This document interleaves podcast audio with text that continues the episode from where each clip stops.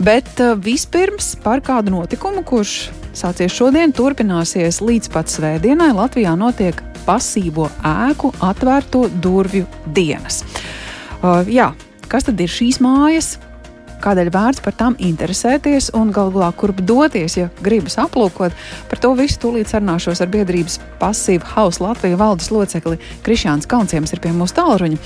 Esiet sveicināti! Labdien! Sāksim no paša sākuma. Ko tad nozīmē tāda pasīva ēka? Nu, tā būtībā ir ļoti augsta energoefektīva ēka, kurai nu, nevajag īpaši daudz ap, aktīvus ja, apkuras avotus. Un, nu, salīdzinājumam, ja, ja teiksim, parasta padomu laika māja Rīgā, ja, tā tērē aptuveni 50 līdz 170 kWh uz kvadrātmetru gadā siltumenerģijas. Tad pasīvā sēkā šis rādītājs ir 10, 12, 15 reizes zemāks. Un uh, no otras puses vēl šīs ir ēkas, uh, teiksim, uh, kurās ir ļoti augsts, uh, augsta līmeņa iekštelpu klimata rādītāja ja, kvalitāte. Uh, Uh, lai gan pat ēkas būvniecība īpaši mums neatšķirās no parastas ēkas būvniecības. Vienkārši tas ir daudz rūpīgāks būvniecības process, projektēšanas process. Ja? Un līdz ar to nu, rezultāts ir šāds. Tad viens no iemesliem, kādēļ par šādām ēkām šobrīd būtu vērts ne tikai domāt, bet arī rīkoties, ir tas pirmais, ko jūs minējāt - energo jautājumi.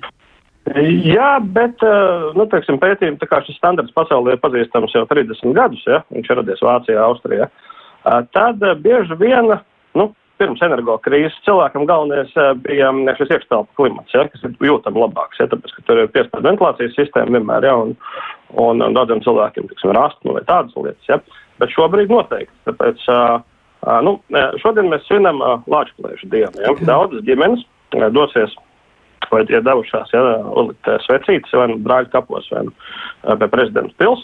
Un tad mums ir tāds viens piemērs, ja, kas raksturo, cik efektīva ir pasīva ēka. Iedomāsimies, ka jums ir 30 kvadrātmetrus liela istaba, un tad enerģijas daudzums, kas ir nepieciešams, lai apsildītu šo istabu ziemā, ir desmit ploškas, ja, desmit šīs svecītes. Ar viņiem pilnīgi var apsildīt šo te, nu, 30 kvadrātmetru istabu.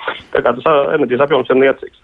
Līdz ar to tā ir, teiksim, nu, garantija, ka jebkādi, teiksim, enerģijas tarifu viļņi, ja, izmaiņas eh, ģimeni neietekmē, ja viņi dzīvo šādā ēkā.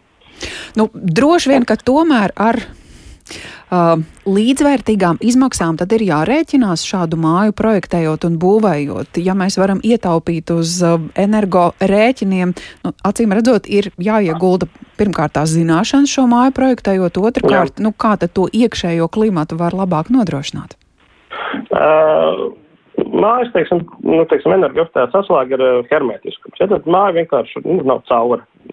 Un uh, to var nodrošināt, teiksim, uh, jā, nedaudz vairāk siltumizolācijas. Tas ir tā, tā ir tā uh, izmaksu pozīcija, kur nedaudz vairāk uh, investīciju ir nepieciešams.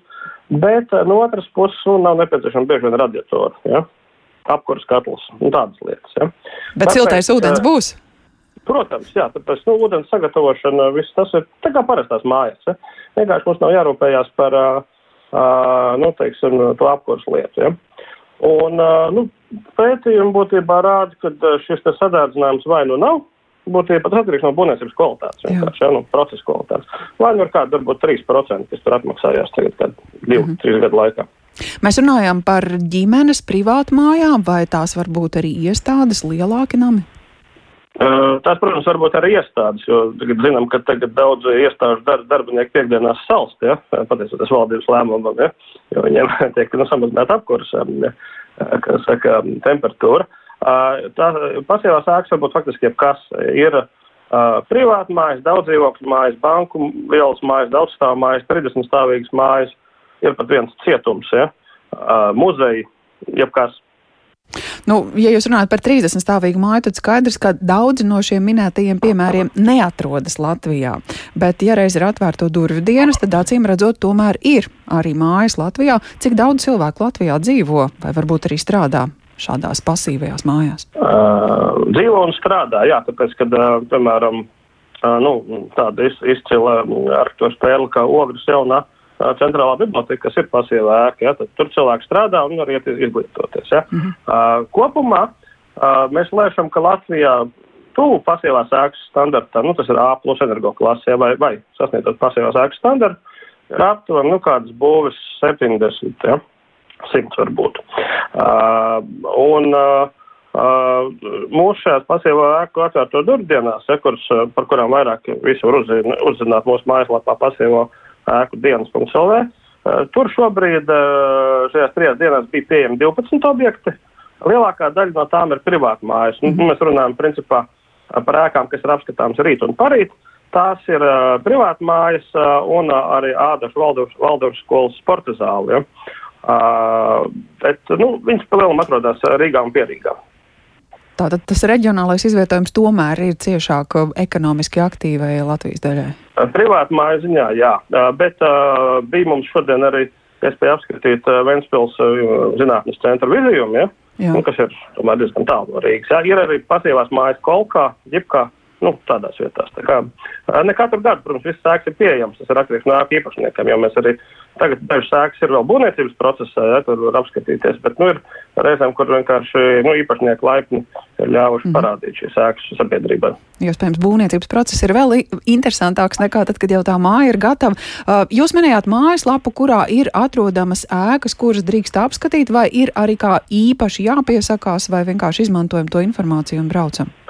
Jā, vēlams ir um, mājaslapā pasīvo ēku dienas.lv uh, reģistrēties konkrētas mājas, konkrētas ēkas apskatīt. Tas ir vienkārši tāpēc, lai mēs vienkārši zinātu, cik cilvēki ir ieplānojuši doties pie mums ciemos. Un, nu, tā kā regulēta, kas ir kustība. Ja?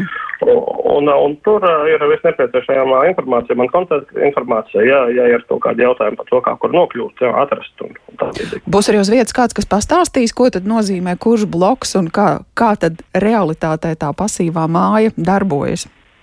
Jā, tas ir tas pats interesantākais, tāpēc, ka Uh, lielākoties uh, šajās ēkās būs to nu, arhitekti, energoauditoru radītāji, kas ir nu, profesionāli, kas strādājuši, bet uh, dažās ēkās ir arī to īpašnieki. Līdz ar to viņi varēs pastāstīt, kā ar tajās ēkās var dzīvot. Ja? -hmm. Uh, pasīvā māja tas nozīmē pilnīgi no nulles, vai varbūt tie, kas šobrīd klausās un dzīvo dzīvokļos, kur gribētos mazliet labāku energoefektivitāti, var kaut ko darīt un jau esošo mitekli pārvērst par pasīvu? Uh, nu, viennozīmīgi. Pasīvā ēkas standarts būtībā tas ir nu, uh, veids, kā ēka tiek būvēta vai arī nu, rekonstruēta. Ja? Tas attiecās arī uz esošajām ēkām. Uh, esošā gadījumā nav obligāti sasniegt nu, ļoti prasīgās pasīvās ēkas standarts, bet uh, nu, izmantot šo te piegājienu. Tāpēc es teiktu tā, ka, nu, teiksim, ja jūs dzīvojat, nu, saucamā Horšovkā, pieņemsim, ja? Jā. Rīgā, ja? Tātad jums vidējais enerģijas patēriņš ir 170 kW kvadrātmetru. Ja? Jūs tagad eh, ziemā maksāsiet, nu, reizēm ir palielāks dzīvoklis 250-300 eiro. Ja? Uh, šādu ēku ir iespējams uh, ar padziļinātās renovācijas uh, palīdzību uh, nu, teiksim, panākt tādu rezultātu, ka šī ēka tērē nu, 50 kW, un tad jūs maksāsiet, teiksim, siltumenerģijā nu, 70 eiro mēnesī varbūt. Ja? Būtisks izmaiņas, jā. jā. jā. Paldies par šo stāstījumu un paldies par aicinājumu izmantot iespēju pasīvo ēku atvērto durvju dienu. Sarunājos ar biedrības Pasīvu House Latviju valdes locekli Krišjāni Kalnciem. Gan jau kā arī jums ir daudz jautājumu šai sakarā, un tos pataupiet līdz nākamajai trešdienai, jo tad viss raidījums, kā labāk dzīvot, būs tieši par šo tēmatu, par pasīvo māju attīstību. Bet šajās dienās līdz pat svētdienai braucam skatīties, kā tas dzīvē izskatās.